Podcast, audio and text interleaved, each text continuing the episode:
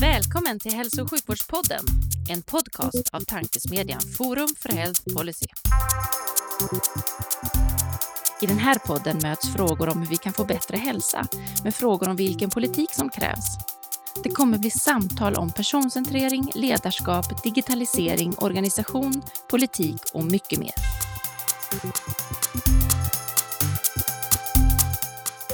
Hej och välkomna till Forum för Health Policies podd. Forum för Health Policy är en oberoende tankesmedja som syftar på att driva på innovation och utveckling i hälso och sjukvården och omsorgen. Jag heter Magnus Lejelöw, jag arbetar för LIF och vid min sida har jag Livia Holm, policychef på Kry men också styrelseledamot i Forum för Health Policy. Precis. Och först och främst vill jag tacka Bayer för lånet av den fina poddstudion vi sitter i. Vi känner oss, känner oss som riktiga radiopratare när vi sitter framför mickarna här. Idag har vi dessutom förmånen att i rummet ha Göran Stiernstedt med oss. En av Vårdsveriges mest erfarna och eh, fortfarande engagerade själar. Läkare i botten och efter ett rad chefstjänster även superutredare. Vi har verkligen sett fram emot den här dialogen. Det är extra kul att prata framtid med någon som både förstår dåtid och är intresserad av framtiden. Så varmt välkommen Göran. Tack så mycket. Eh, som vanligt, eller som vanligt känns lite förmätet att säga andra gången man, man spelar in en podd, men vi börjar med vår faktaruta. Eh, där vi ställer ungefär samma frågor till samtliga deltagare och får liksom en, en bas med förståelse för hur personen fungerar. Så den första frågan är, vilket tycker du är det bästa sjukvårdssystemet i världen och varför? Ja, det var ju en lätt inledning kan man säga. eh, och eh, jag får ofta den frågan och jag svarar alltid samma sak. Det finns inget enskilt land där jag kan se ett idealiskt sjukvårdssystem och dessutom är alla länder olika förutsättningar och kulturer och så vidare. Så man får plocka lite av varje. Men jag tycker en del eh, just nu i, Nederländerna är intressant till exempel. Mm. Bra svar. Är det några andra delar, några andra länder du skulle vilja plocka russin från om du skulle vilja göra det? Ja, alltså när det gäller eh, primärvård och sånt så tycker jag våra nordiska grannar eh, eh, definitivt. Och det, när jag jämför så jämför jag gärna med eh, Skandinavien eftersom vi har ungefär samma samhällskultur och eh, ja, det, det, är också mycket lättare att jämföra. Så vi, vi ofta jobb, utbyter vi personal en hel del och så, och så vidare. Mm. Ja, bra svar. Mm. Eh, vi fortsätter med de här lätta frågorna. Jag inser att min faktaruta kanske blev aningen, aningen tung. Egentligen. Men vilka är de tre bästa parametrarna att mäta och utvärdera i vården och varför? ja, det beror helt på. Jag skulle säga så att det varierar ju över tid. Ska man styra vård, mm. då eh, ska det vara anpassat till den situation man befinner sig i. Så det är lite skillnad om man är i en starkt expansiv fas, om man är i en stark omställningsfas och så vidare. Mm. Just nu eh, så eh, befinner vi oss i en, som jag ser ändå en viss omställningsfas. Så satsar vi, alla regioner vad jag vet satsar på nära vård men har ganska jobbig omställning får man säga. Mm. Eh, det vi ska prata en del om idag, digital vård, det är också en form av omställning. Eh, och då tycker jag, då, då, och, men jag, just nu så till exempel en bra, det fel man gör, det, det, är ofta att man går in för mycket i detaljer och för mycket på varje enskild leverantör så att säga. Mm. mm. Alltså, man ska framförallt mäta, alla som agerar ska ju mätas på hur de bidrar till hela systemets effektivitet. Mm. Och jag är till exempel i omställningen ganska förtjust i att mäta i, vilken utsträckning eh, primärvårdspatienter hamnar på sjukhus, alltså för respektive eh, eh vårdcentral det finns inget så att säga, värde antagligen som är rätt eller fel, men om man jämför det så är det ju stora avvikelser som alltid är intressanta att eh, an analysera. Mm. Det är ett värde. Jag har lättare att säga om man inte ska mäta. Man ska inte mäta för mycket produktivitet utifrån pinnar till exempel. Det, det, det är ett dåligt mått på sjukvårdens effektivitet. Det är bra. Det gäller nog många branscher skulle jag säga. Ja. Eh, men det är en ganska lätt sak. En annan sak som jag gärna... Det är liksom äh, återinläggning från sjukhus. Å, oplanerad återläggning inom 30 dagar. Varför väljer jag det? Ja, det är inte bara sjukhuset. Om de, man ska äh, vara bra på den parametern, då måste man ha ett bra samarbete med kommun och eh, mer primärvård till exempel. Ganska förtjust, jag är i alla fall infektionsläkare, så att vårdrelaterade infektioner är jag också rätt förtjust i. För det mäter på något sätt också kvalitet över orga, äh, organisatoriska gränser. Mm. Och nyckelordet för mig är kanske just det där över organisatoriska gränser. Mm. Har det förändrats något under din, under din karriär så att säga? Med, med vad, vad, du gillade för parametrar att mäta när du jobbade som läkare kontra vi mätte ju nästan ingenting. När jag, så, eh, var det bättre på den tiden? Nej, det, det var absolut inte bättre. Mm. Men eh, jag tycker problemet med mätning är så att, så att eh, det är professionens engagemang, alltså den mätning som går via kvalitetsregister till exempel, som är uppbyggd på professionens engagemang. Den fungerar alldeles utmärkt. Sen har det spårat ur för det har blivit alldeles för mycket detaljer och det går alldeles för mycket, det har orsakat massor med administration, det går alldeles för mycket energi och ja, för att vara lite ärlig så tycker jag att en hel del som inte kan tolka resultaten ändå är inblandade i, i det här. Det ska mätas mycket men det ska mätas från golvet och man ska från golvet eh, bestämma vilka parametrar som är intressanta som jag behöver eller vi behöver för att förbättra eh, verksamheten. Mm. Bra svar. Mm. Verkligen. Eh, så fråga nummer tre då i den här faktarutan. Eh, två medskick till de som just nu håller på att utveckla framtidens in, eh, vårdinformationsmiljöer runt om i Sverige. Då skulle jag vilja ha det medskick att hela tiden tänka på eh, digitalisering som integration, alltså som arbetssätt. Mm inte som system utan eh, det här är ett dagligt arbetssätt.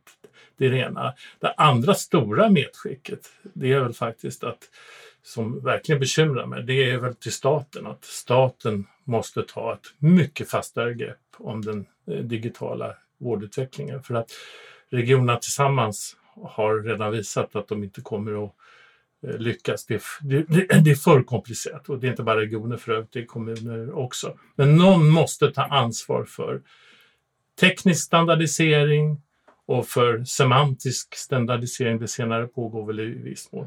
För att visionen är ju att var jag än befinner mig som patient i Sverige ska all nödvändig information som, om mig finnas tillgänglig nödvändig information för att ge mig en bra vård.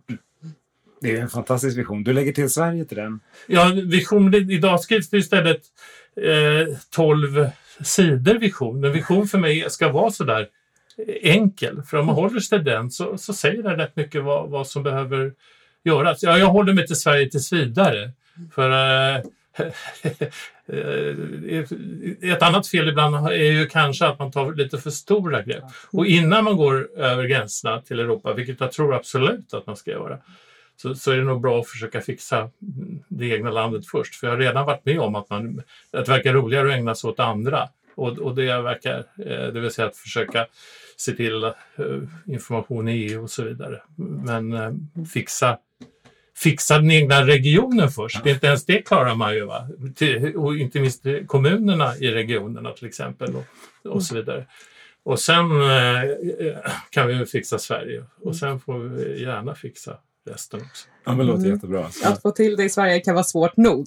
Så låt det, kan vara, det, det, det, vet vi ju redan ja. att det är svårt nog, men det här är en ödesfråga. Mm. Eh, eh för att väldigt mycket, jag tror att man inte inser liksom att eh, det, omställning styrs väldigt mycket utifrån de verktyg man har. Mm. Och har man bra verktyg, och det finns inget bättre verktyg än digitalisering just för det, och möjligheter, då kommer det att underlätta den här mm. omställningen. Och eftersom ett komplext system bygger på så att eh, aktörer kan interagera med varandra så är ju en grundförutsättning att man kan utbyta information. Mm. mm. Bra poäng på sätt och vis. Den sista frågan i faktarutan är berätta din finaste patientanekdot. Vi vill ju alltid sätta patienten i centrum. Här kommer en liten nätt fråga. Göran. Ja, nej, det finns naturligtvis eh, eh, många, men jag kommer väl ihåg när, när jag höll ju på eh, med fästingöverförda infektioner, framförallt eh, borrelia. Och där finns det ju mot den andra stora infektionen, eh, TB, virusinfektionen. Där finns det ju ett vaccin. Och, och då så här, patienten som hörde av sig och, och, och sa Vad är det för vaccin ni ger? Jag har blivit biten ändå. Mm. Mm. Mm. Det säger lite om, alltså det, det, det låter liksom självklart va? men det säger eh, en del om, säkert eh, en del information. Alltså i mötet, det vi, inte, vi har inte varit mästare på patientinformation. Nej, det är nog. Kommunikation är svårt. Ja. Det här är ett ganska svårt område. Mm. Verkligen. Det var ett bra exempel. Ja. Vi tar oss vidare till, till, till, lite mer här och nu och idag. Vad, vad är din roll idag? Eller dina roller skulle man väl säga snarare utifrån. Idag ägnar jag mig åt att vara framförallt åt styrelsearbete. Så att jag är ordförande i eh, Eh, tre landstingsägda sjukhus i Stockholm som har, eh, inte en styrelse utan de har tre styrelser men de har, vi, vi som är så att säga externa ledamöter, vi är eh, vi är samma i de här tre sjukhusen, nämligen Södersjukhuset, Danderyd och eh, Södertälje. Eh, sen är jag också ordförande i Karolinska institutet. Och så, ja, jag sitter också i 1000 apropå att Peter Graf har varit här. Mm. Och det är otroligt... Äh, jag, har varit, jag har nästan suttit hela tiden sedan starten men jag var ju med och jag känner, jag var med från start och det har, jag har lärt mig så mycket vid det projektet. Så jag är otroligt, har varit otroligt viktigt för mig att äh, få liksom möjligheter att se Eh, hur det projektet utvecklas. Med uppgångar och nedgångar, berg och djupa dalar. Mm. Allt från sitta styrelse till en i kommun, eller snarare kommunförbund, där, hela vägen till ett stort sjukhus, eller ett stort vad heter det, akademiskt center. Vad, hur, hur, hur, hur skiljer det sig?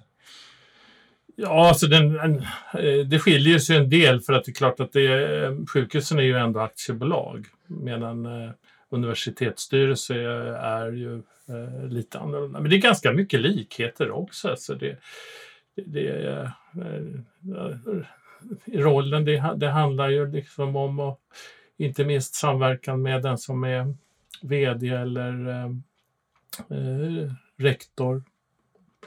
Och så handlar det ju väldigt mycket både om faktiskt eh, just samverkan för den organisationen. Sen sitter jag också Coronakommissionen ska vi eh, tillägga. Det är en uppgift som tar en del tid idag. Mm. Mm. Precis, vi återkommer lite till den tror jag. Eh, hur hamnar du där? Eh, och då låter det som att det är en slump allting. Men vad, vad har du gjort tidigare? Eh, jag nämnde några saker, men jag tänkte, kan du berätta lite mer om, om din bakgrund och hur, hur du... Ja, alltså, jag är ju eh, infektionsläkare så att, eh, som kom ut, eh, eller jag blev färdig läkare på början på 70-talet. Jag blev specialist i slutet av 70-talet. Och tillbringade 20 år på Danderyds sjukhus. Och under den tiden så eh, eh, bedrev jag också forskning och om borrelia, fästingar som jag nämnde. Och eh, disputerade på det. Och jag blev också docent och hade lite doktorander och så. Eh, då är vi framme i början på 90-talet, alltså 20 år på Danderyd och sen eh, fantastisk tid måste jag säga. Eh, sen bestäm, tänkte jag väl ungefär att ja, ska jag vara här i man brukar säga yrkesperioder 40 ungefär. Mm. Så, så ska jag vara här hela mitt liv liksom. Jag har ju gjort halva nu. Men då var det ju så att eh, gamla infektionssjukhuset på Roslagstull flyttade till Huddinge just då. Så då eh, hörde jag av mig och frågade om jag inte kunde få börja där. Och sen blev det av olika anledningar så att jag rätt omgående blev chef där också. Och sen inledde jag en chefskarriär och riktigt hur det där gick till har jag aldrig fattat själv faktiskt. Även om jag, jag hade faktiskt ångest att lämna både Eh, kanske mer den kliniska karriären, men eh, för eh, den akademiska karriären hade redan gett mig så väldigt mycket. Men sen blev det olika chefsjobb, bland chef på Akademiska sjukhuset i Uppsala i fyra år runt millennieskiftet. Och sen var jag i landstingsledningen i Stockholm som biträdande landstingsdirektör i sex år. Och min sista jobb satt jag innan 65 och Eh, pension. Det var som chef för vård och omsorg på det som nu heter SKR som då hette eh, SKL. Eh, och sen hade jag förmånen att få en massa utredningsuppdrag. Alltså, eh, eller massa, massa, men bland annat det här kring eh, sjukvårdens effektivitet. Otroligt. Men tack vare fantastiska medarbetare också så lärde jag mig otroligt eh, eh mycket där. Om, trots att jag hade jobbat 40 år eh, så hade- jag missat mycket på vägen upptäckte jag faktiskt. Mm. Det var ganska många som hade missat ganska mycket tror jag. Men var... Nej, men man lär sig det där att när man är på en post i alla fall så det är klart att på, på slutet när jag eh, eh, hade, inte minst när jag var på SKR, då lärde jag det är klart att då, fick, då hade jag ju liksom även den kommunala biten där. Eh, Men annars lär man sig liksom att man sitter på sin och försöker styra sin eh, pusselbit i det här komplexa eh, systemet.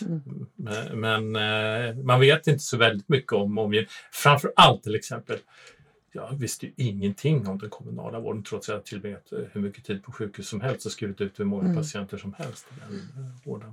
Mm. Just effektivitet är ju ett eh, huvudtema för Forum för Health Policy också. Mm. Och där, eh, som sagt, med, med din bakgrund så har ju du lagt mycket tid att fundera på det här. Vad, vad ser du som eh, de viktigaste delarna för att få till en mer effektiv hälso och sjukvård?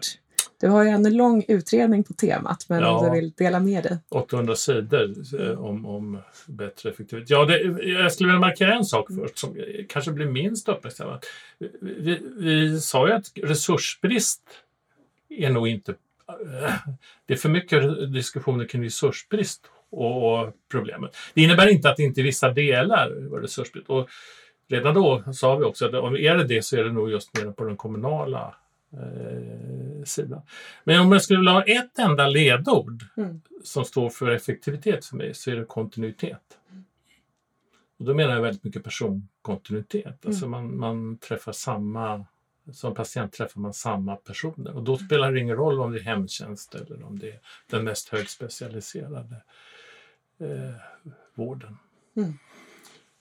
Men sen finns det hur mycket som helst man kan säga om samverkan och över gränser. Och digitalisering, det är klart digitalisering som verktyg är fantastiskt. Eh, effektiviseringsmöjligheter. Ska jag säga någonting så är det lite sorg. Det upptäckte jag redan över att det som ändå driver väldigt mycket det är ju den medicintekniska utvecklingen. Mm. Den är ju en fantastisk eh, möjlighet att effektivisera. Den har ju gett oss liksom mm, mer non-invasiva metoder. Du Mm. kan eh, eh, vad vi kallar titthålskirurgi och annat. Kan skriva ut patienter otroligt mycket fortare.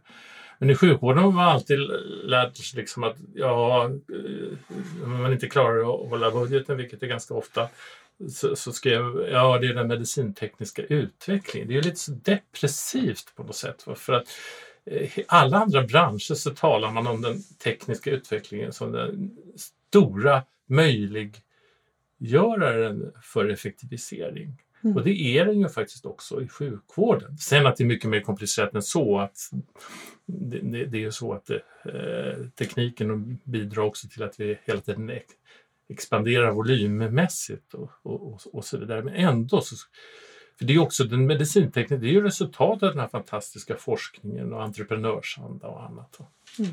Absolut. Vad intressant att höra. Du likväl som Peter sa att den stora förvåningen som sjukhuschefer var att ni inte hade någon koll på kommunen. Mm. När du utredde, vad, vilka var dina största... Vad, vad vilka ögon öppnades mest? Vad, vad blev du mest förvånad av? Ja, det var nog att träffa eh, framförallt folk ifrån kommunerna då. Som, jag kommer ihåg liksom, för parallellt drev jag den här utredningen också om eh, utskrivnings från sjukhus.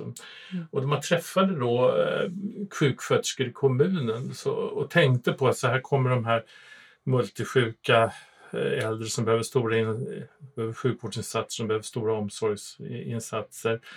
Så blir de lite sämre av anledning, hamnar på, på sjukhus omgivna massor med högutbildad personal, både omvårdnadsmässigt och eh, medicinskt. Eh, och så ligger de några dagar blir förhoppningsvis något bättre men ibland, jag menar, just i multisjuka får man ibland säga att det är något för de har ju mycket grundproblem. Hamnar i kommunen och plötsligt så är det liksom en helt annan kompetensnivå. Eh, väldigt få sjuksköterskor till exempel.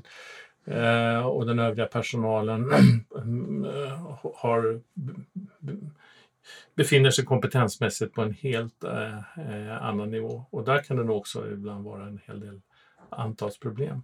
Och när sjuksköterskan sjuksköterskorna i kommunen kunde säga att vid utskrivning så tillbringar två timmar med att säkra läkemedelslistan.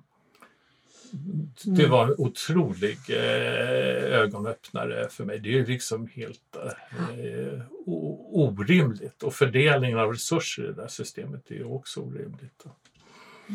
Det är bra. Det är många trådar att hänga, hänga upp det på här. Så många, ja. Mm. Jag ska gå tillbaka till den förra tråden du slängde ut här om budget vad det gäller medicinteknik. Eller snarare att nya, nya innovationer är jobbigt för att det påverkar påverkar mm. budgeten i en negativ riktning. Vad kan man göra åt det då? För det ny, ny medicinteknik och nya läkemedel för ju med både, liksom, både bra saker men också en budgetpåverkan. Hur? Jag tror att vi, vi... Det är ju inget problem att introducera nya. Alltså det, det finns en jättestor nyfikenhet, inte minst inom läkarkåren, på nya läkemedel, nya eh, apparater och så vidare. Och, eh, jag tycker absolut inte det brister på eh, vilja, men att ändra arbetsorganisation och sånt där. Mm. Det är det som är svårt. Va? Det gäller ju digitaliseringen också. Då är det mycket, mycket trögare och då blir det mycket, mycket mer eh, bevakande. Och det, det, är ju lätt att säga, men det är ju samtidigt, eh, gissar jag, det kan vara, jag tror inte det är helt unikt utan det är väl mer hur vi fungerar eh, som människor. Och, vi, och så det klassiska som alla säger, eh, det är också det måste jag också säga för det är sant. Eh, alltså vi mönstrar inte ut alltid i den takt som det kommer in mm. Eh, andra saker. Ja, Nya saker. Mm. Och, att ändra på en kultur, det är ju nästan omöjligt. Har du några goda, några goda erfarenheter om hur du skulle vilja göra det? För det är ju nej, det, det, det, det handlar om. Nej, jag, alltså, det, jag tror absolut, överhuvudtaget så är jag lätt allergisk mot att det liksom finns en metod eller någon särskild mm. metod som fixar eh, det, det, tycker jag är alldeles för mycket snoppsnack och det har vi verkligen gått in i vägen. Ja, nej, det finns absolut inget. Men det är klart att det handlar om, om eh, ledarskap och det handlar om nötande. Tror jag väldigt mycket. Mm. Mm. Men med din eh, väldigt breda erfarenhet får man väl ändå säga, både från att eh, vara chef och styrelseordförande men också som statlig utredare. Vad, är, liksom, vad för dig har varit mest utmanande i att försöka arbeta för ändå förändring, förbättring, omställning?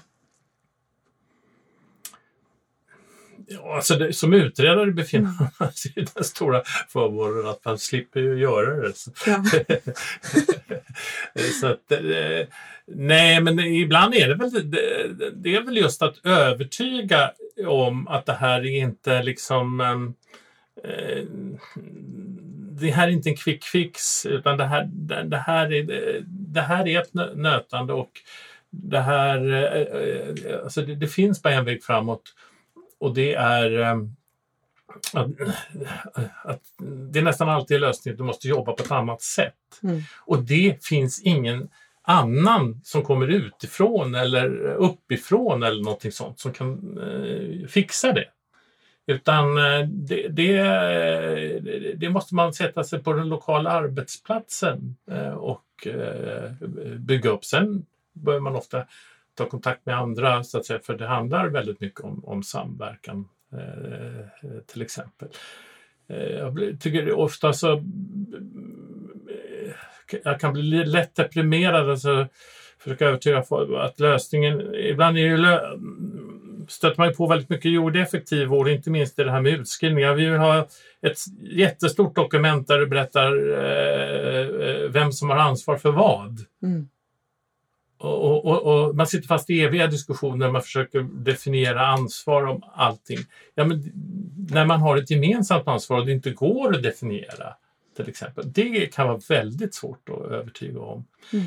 Eh, något annat som är svårt att övertyga det är, det är ju ofta administration att um, man kanske inte behöver 100 parametrar utan det kanske räcker med fyra. Eh, och, och det, vilket jag tror att det är så nämligen. Jag är ganska säker på att det är så till och med. Men eh, det är klart, då är du inne på något annat som man inser. Alltså, det är också mänskligt, man bevakar sin parameter så att säga. Mm. Det där var ju någonting som också Peter Graf var inne på. Vi mäter kanske alldeles, alldeles för mycket när det finns vissa övergripande viktiga mått som mm. man kanske borde sträva efter istället. Ja, jag är farligt att samarbeta för mycket för att där nere mm, om du kommer från... Alltså, du, du kanske behöver mäta eh, eller få rätt mycket mm. och, och det ska vara lätt att mäta också med automatik och så vidare. Eh, men, men det, kan, det, det, kanske ska stanna där nere. Det behöver inte rapporteras eller eh, något sånt. Utan det, arbetsgruppen är säkert jätteintressant. Man vill veta vilka resultat man har och sånt. Mm. Men det, det, är ju när det liksom ska upp och någon som tolkas av någon som inte riktigt begriper det. Det finns ju massor av resultat, till exempel kvalitets, enk, eh, kvalitetsbarometer som komplikationer eller mm. överlevnad som lätt feltolkas. För eh, en sån sak handlar ju om patientselektion, case mix. Och, och, och det, då måste man ju verkligen vara inne i det hela för att begripa en sån sak. Mm. Det är en väldig skillnad att mäta eller om man ska styra eller om man ska jämföra. Ja, och, och kraft, mätning har kan men det, kom, det, det, är liksom, det är där nere så har det väldigt. Och där tycker jag liksom jämfört med, jag sa ju tidigare att det, vi mäter väl inte så mycket när jag Eh, det tycker jag faktiskt är, är, det är en framgång att vi mäter så pass mycket. Och eh, många, många kvalitetsregister har ju varit en framgångssak och också använts. Och den dagen liksom professionen eh, tappar engagemanget där. Sen behöver de av många skäl för, förändras tror jag. Och så, men, eh, men kom ihåg liksom det, det de framgångsrika förändringarna till följd av mätningar, de har varit, oftast varit professionsdrivna. Mm. Absolut. Om man, kvalitetsregister är ju fantastiskt på alla sätt och vis. Eh, när man tittar på visionen med de nya vårdinformationsmiljöerna och de liksom nya digitala lösningarna är ju att man ska kunna ersätta kvalitetsregister och ha någonting som jobbar samtidigt. Liksom som, samtidigt, som ja. samtidigt är med i verksamheten och samtidigt mäter. Ja, absolut. Är, är, det bra att ersätta kvalitetsregister eller skulle man Nej, vilja det, jag, Säg att vi utvecklar dem istället, tycker jag. Det är inte om man behöver byta namn. Men, eh, Eh, men den utveckling du antyder är ju att mäta i realtid till exempel. Det finns ju register som har varit väldigt bra. Alltså när, när, när det liksom blir mer av ett med journalen och kan användas i mötet med patienten och man kan visa på grafer hur det går för dig och så här går det för genomsnitt och så här bör det vara liksom och så vidare. Eh, det, det, är den utvecklingen eh, vi, vi behöver. Men återigen, du talar om att förändra dem. Måste vara professionsdrivet när vi förändrar dem. Ja, absolut, jag håller fullständigt med. Ni skulle se Göran nu sitter och ritar i, i rummet och visar grafer med handen. Det, ser, det ser engagerat ut, det gillar vi. Uppåtgående. Ja, de går uppåt allihopa. På tal om engagemang, vad är, vad är det roligaste då du har gjort hittills i, i, i din karriär? Jag tror att jag, alltså, jag trivs nästan alltid där jag blir eh, placerad. Men det är klart jag har, man har några höjdpunkter. Man kan inte komma ifrån att få ett forskningsgenombrott eh, sitter ju väldigt inpräntat när jag jagade fästingar och satt med ett mikroskop och plötsligt fick se den där spirocheten som eh, mm. eh, rörde sig. Det var en helt okänd sjukdom i Sverige då. Det, det är inte mycket som eh, slår det. Mm. Men jag kan komma ihåg enstaka patientfall ibland också som så att jag har fortfarande var, när, när man liksom ändå har lyckats med en väldigt svår diagnos och lyckats med behandlingen och så vidare också. Skönt. Det är den första personen jag sett le när man jagar fästingar. De flesta brukar springa ifrån dem, men det, det, det är så det är. Ja, jag, hade aldrig, jag visste inte hur en fästing såg ut när jag började. Så det var... ja, bra, då har vi bidragit med någonting. Mm.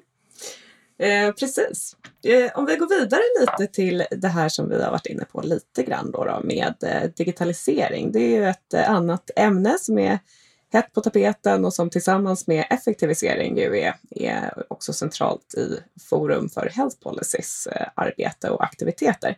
Eh, du har ju bland annat eh, också utrett, ditt slutbetänkande i din senaste utredning hette Digifysiskt vårdval.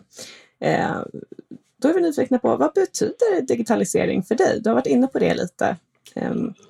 Det betyder att ett, ett arbetsverktyg. Mm.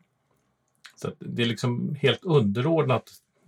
Jag måste själv jag måste styra digitalisering. Digitalisering ska inte styra mig. Utan, eh, och äh, det, det, det, ja, det är väl framförallt det skulle jag vilja säga. Mm.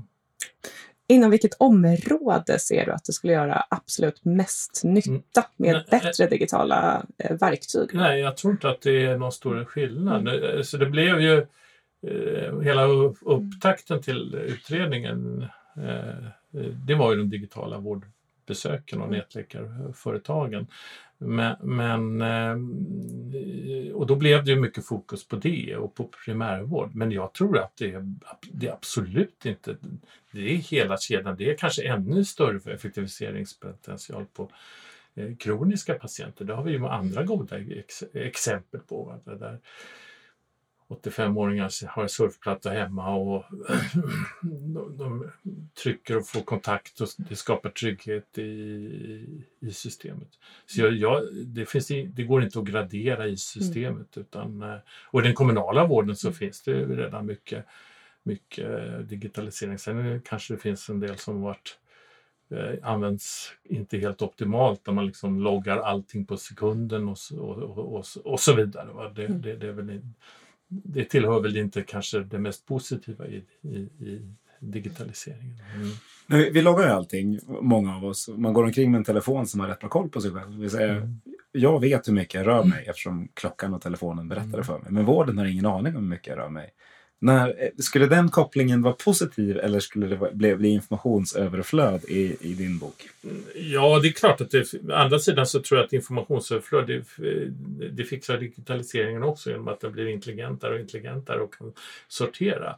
Men alltså det är nu inne, som, det, det är kanske den största digitaliseringsmöjligheten, det är att du och det är den största förändringen, att patienten styr eh, vården själv. Patienten utför vården själv Eh, med egna eh, verktyg, det vill säga appar som finns eh, i telefonen. Eh, och det, eh, alltså mer, det blir ju egenvård i större utsträckning. Och det är en enorm utmaning av många skäl, för det är också ett skifte från rollen för vården då, alltså det är, då hamnar ju patienten i högsätet i ökad utsträckning. Observera, det här går inte för alla typer av patienter. Men, han sitter i högsätet och styr mer av vården. Medan du i vården och som läkare är vi vana till vi som styr och bestämmer så att säga, i, i mötet. Det blir ju mera rådgivande då. Mm. Och det är en stor det är en sån kulturförändring va? som inte är någon organ, eh, som jag tror att man lätt eh, eh, underskattar. Det kan mm. säkert vara skillnad mellan generationer när det gäller doktorer och, och så vidare.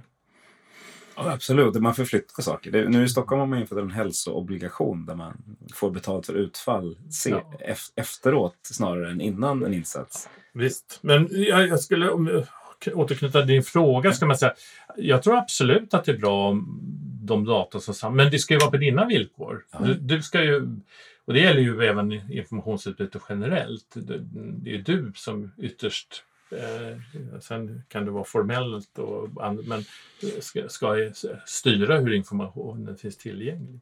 Mm. Och tveklöst. Hur, hur, hur utmanande är det här för, för, för budgeten eller snarare för hur man styr med, med hjälp av ekonomi? Om vi nu liksom gör mycket utanför, om vi använder digitala hjälpmedel tidigare i kedjan, eh, om vi lägger större ansvar hos patienten.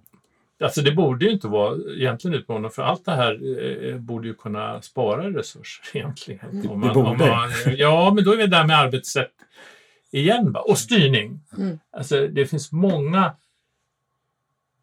styrsystem som är direkt kontraproduktiva ur innovationssynpunkt. Eh, alltså just detaljstyrande eller du räknar väldigt mycket pinnar. För många av de här systemen minskar ju på pinnarna mm. men kanske kräver en annan form av arbetsinsats från vårdpersonalen som då inte registreras och så plötsligt så, så, så äh, låter det som produktiviteten har, har minskat till exempel. Mm. Mm, nej, det, är, det är intressant. Det är en av, en, en av pandemins effekter också. Att man ser plötsligt vad det är som vad man mäter både utanför vården och i vården som, Absolut. som plötsligt driver och, och, vilka beteenden. Och samtidigt såg du när man liksom inte tvingades släppa alla de här mm. Eh, kontrollmekanismerna och, och, och otroligt mycket diskuterande om hur tolka av de här värden. Då, då rullar det på ganska bra mm. i många hänseenden. Mm. Men då kommer man nästan tillbaka lite till, eh, som vi var inne på i början, kring eh, det statliga ansvaret för just mm. vårdinformation. Eh, du som har mycket erfarenhet av, av att arbeta på de här olika nivåerna, har du en förhoppning till att, att staten kommer ta det här ansvaret? Inser man vikten av den här nationella infrastrukturen? Nej, alltså jag är lite pessimistisk där. Jag tycker det borde Eh, jag tycker staten skulle behöva se över eh, hur man styr hälso och sjukvården. Och där är jag lite pessimistisk. Men en av anledningarna till att jag var positiv till den här regionreformen, det, det tror man alla är att det blir färre regioner framförallt. Ja, det är absolut en eh, faktor. Men då hade man chansen att se över statens roll i systemet. Mm. Och, och vad, staten bidrar ju trots allt med pengar och hela tiden varje år kommer ju lite nya miljarder och sådär. Eh, eh, hur ska man använda dem bäst? Och eh, jag tror till exempel att du skulle eh, samla ihop många av de här miljarderna och lägga dem faktiskt på IT istället för att strö ut det på sådana här mm. eh, små... Men det, det är liksom, då är du inne i logiken i det politiska Eh, systemet. Men sammanfattar man det så, så har jag blivit allt mer pessimistisk att staten kommer att ta det där ansvaret. Men om du hade gjort färre regioner så hade det ju möjligen också varit lättare för sex stycken regioner att mm. och, eh, göra lite mer gemensamt mm. än för 21. Mm. Du har jobbat i en värld av politisk logik länge. Vad, är, mm. vad är dina eh, rekommendationer eller liksom råd till de som gör det? Jag tycker man måste, det är otroligt viktigt för eh, det är viktigt att vården styrs eh, eh, demokratiskt. Jag tror det är viktigt för alla som jobbar att man inser att det är en annan logik och, och sen kan man ha synpunkter på så att säga, fyraårslogik och, och annat. Men trots allt så finns det ju många gånger, i alla fall ute i regionerna, en viss önskan ibland att försöka få lösningar över blockgränser och, och, och så vidare. Eh, sen kan man ju som sagt ha synpunkter på om vi skulle behöva en samhällsreform och så vidare. Mm. Mm. Eh, så har vi en fråga som jag tycker är spännande. Eh, hur tror du att svensk sjukvård kommer se ut 2025? Alltså 20, 2025 är ganska snart. Ja. Eh, det beror på, alltså, när det gäller att det kommer ny teknik och så, då kommer det säkert ha kommit eh, mycket. Men när det gäller sjukvårdsorganisation och omställning så, så kommer det eh, så tror jag att vi kommer, man, i alla fall riskerar jag att känna att, tror att det har hänt för lite. Mm. Därför det är väldigt svårt med de här eh, omställningarna. Och det är en anledning till, liksom, det är samma sak där alla talar varför behövs, och jag skulle vara som sagt positiv till en samhällsreform. Ja, för omställningen mot mer nära vård.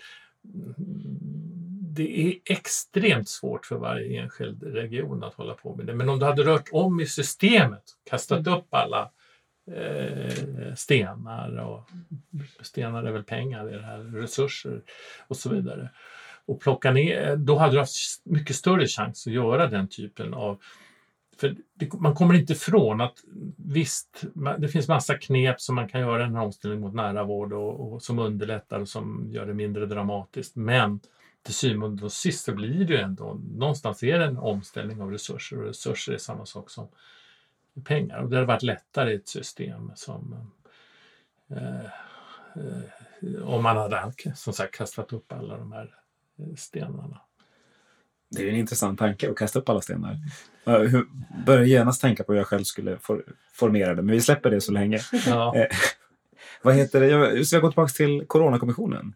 Kan Mm. du inte berätta lite mer om, om, om vad ni gör där, vad ni har lärt er och hur du tror att det kommer att Det förändra? är lite tidigt att säga vad vi har lärt oss. Så det tar ju eh, eh, tid att eh, få igång en sån där. Eh, Och sen har vi ett, eh, Ehm, delbetänkande som ska lämnas redan i, i, före jul. Och det handlar om äldrevården. Och det är klart att då har vi koncentrerat oss väldigt mycket på äldrevården.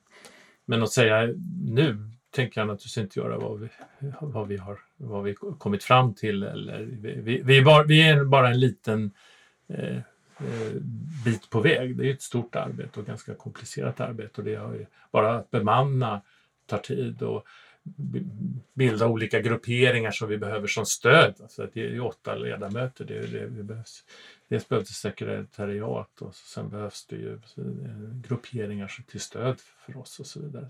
Så jag har nog inte så mycket mer att säga där just nu. Ser du att det finns några liksom, initiala reflektioner eller lärdomar som man kan dra? Det är många som har varit inne på att pandemin här verkligen har satt fingret på flera av de problemen som du har lyft, alltså Mm. just samverkan mellan kommun och sjukvård och, och liknande.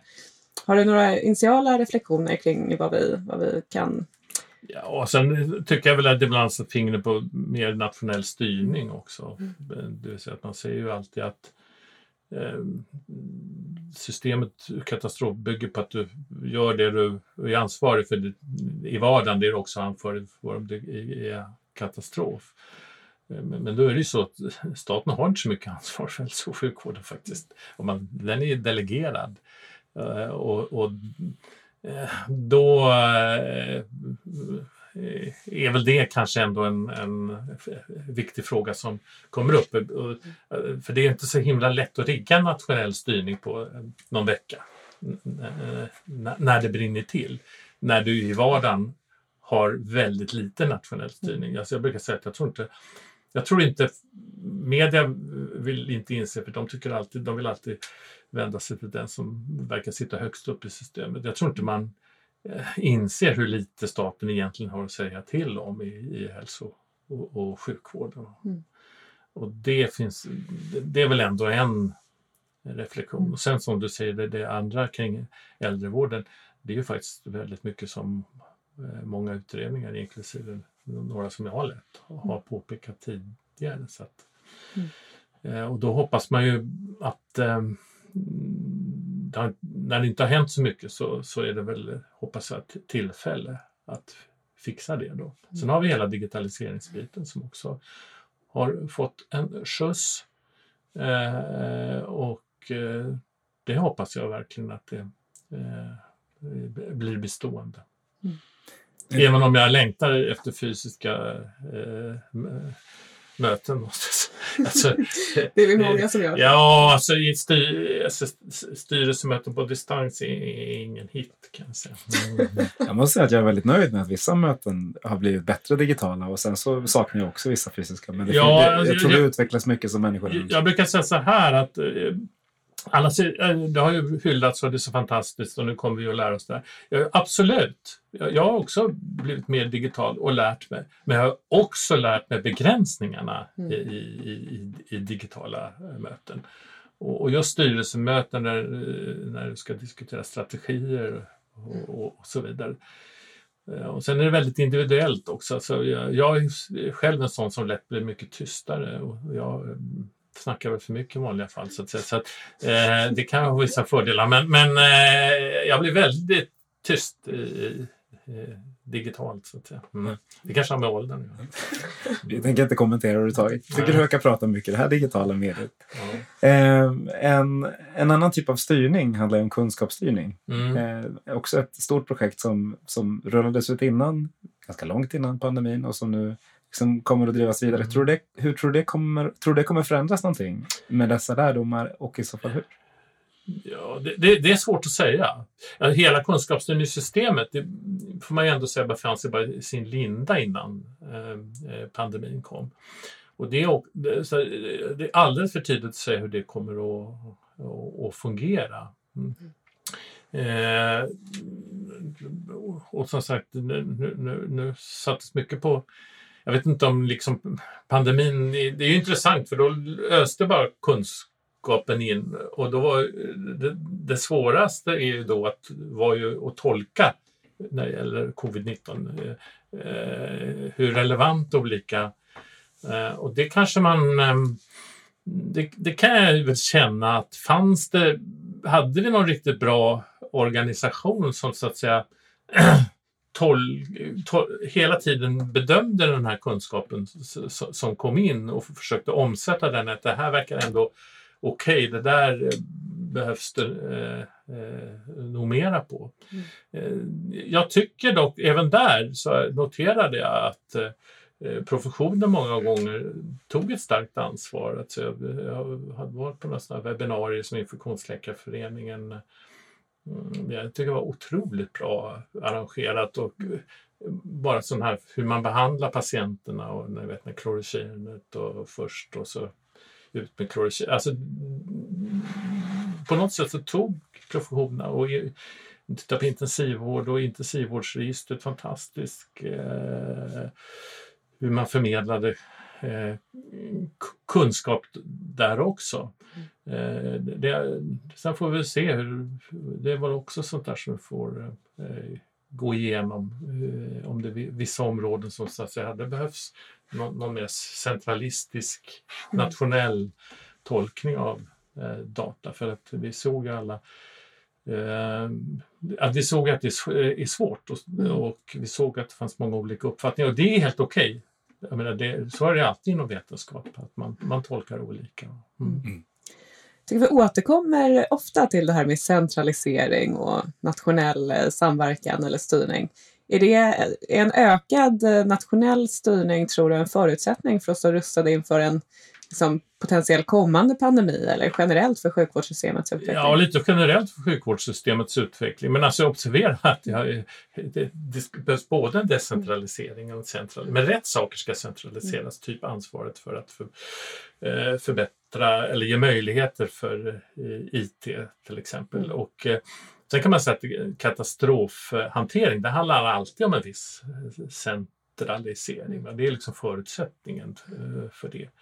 Eh, och det kan du se att det var så ute i eh, regionerna också. Och sen har jag ingen uppfattning idag om hur, hur det har fungerat. Men ehm, som jag sa tidigare, det, det, det, var det är nog rätt svårt att vara på statlig nivå och mm. plötsligt centralisera i ett system som är extremt decentraliserat. En sak som är väldigt centraliserad det är ju personerna och eh, patienterna i vården. Eh, mm. De är ganska centraliserade kring sig själva. Vi pratar mm. rätt mycket personcentrerad vård eller mm. patientcentrerad vård beroende på hur man vill se det. Hur, hur, hur är din, din take på det? Är vi, har vi liksom, är vi på rätt spår eller var, var skulle du vilja att det tog vägen? Ja, alltså, det är en blandning kan jag ibland tycka. Alltså, patienten i centrum har vi eh, sagt och så vidare. Va? Och, och sen finns det all, fler alldeles utmärkta projekt som, som har... Men även där tror jag nyckeln till det där, det var ju inne på tidigare, det är väl också eh, digitalisering. Alltså i, när vi får de här verktygen och apparna, och det, det är ju verkligen patientcentrering. Så att jag tror att ett tag för några år sedan var det väldigt mycket kring patient det är alltid så i vården. Alltså vissa ord går upp och så går det ner och så kommer något nytt ord. Ett tag var det patientmakt.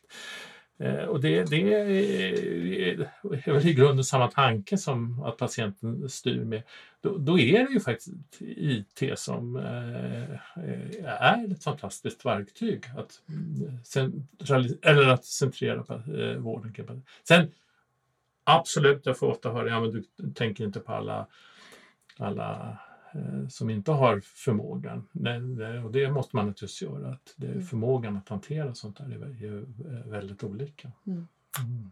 Men förmågan ökar ju för varje år som går får man ju säga. Ja, så, så, är det ju. Utbildningsnivå ökar och, och eh, generationer som eh, någon gång blir ju de generationer som är digitaliserade från födseln i stort sett. Mm. Eh, de, gamla, de gamla också så att säga. Så det, det, det, det, det är klart. Men då har vi väl någon annan utveckling som de har svårt att hantera. Mm. Det får man eh, förvänta sig. ja. eh, nästa år, när vi, när vi tittar tillbaka på 2021, Mm. vilket tror du då är årets innovation inom svensk hälso och sjukvård? Då, då är innovationen förmodligen gjord 2020 då. Mm. Kanske det. Ja, om det är årets innovation 20... vä- Om det väl, 20 ja, det skulle ju nästan vara konstigt om det inte hade varit relaterat till eh, eh, eh, corona. Eh, och nu är det så vuxet så att eh, jag, jag kan inte komma på någon enskild. Då måste, måste jag sätta mig ner och liksom verkligen eh, fundera. Men jag, jag kan mycket väl tänka mig att det är, är, är, skulle kunna vara någon, eh, någonting relaterat till corona. Kanske någon app eller eh, någonting sånt. Även om jag tycker vi har haft lite svårt att använda. Jag borde kunna använda appar mera i smittspårning och sånt där. Har jag haft bara någon diffus känsla. Mm. tror verkligen att du har rätt. Är just, men sen är just det där att, att utveckla appen på en vecka, det var väl det som var problematiskt. Ja. Så det, blir- det blir jätteintressant. Mm. Vi, vi har lärt oss att det, är bra att hålla ett sånt här samtal till typ en timme så att eh, man kan springa sin mil eller promenera sin Underbart. kvällspromenad. vill göra. Ja. Mm. Så är det någonting innan vi slutar som du tycker det här, det här hade jag velat prata om och det här har ni missat? Nej, jag tycker väl, har väl... Det, fin- man, det, skulle, det är inga problem att tala om eh, fem timmar om en sitta hela dagen. svensk hälso och sjukvård. Det, så att, eh, nej, jag är helt nöjd. Vad bra. Då tänkte jag att vi skulle tacka dig så varmt för att du har varit här och, och delat med dig av det. Vi, vi har varit, blivit inspirerade och haft dessutom väldigt trevligt. Tycker jag med. Mm. Tycker också det var mycket trevligt. Så jag skulle vilja tacka alla ni som har lyssnat på Forum för Health Policies eh, podd. Eh, tacka Göran och så kommentera gärna eh, både positiva och negativa saker och ge gärna förslag på fler personer att intervjua. Vi har en lista av roliga personer men vi, vi blir alltid glada för nya förslag. Tack så mycket för idag. Stort tack!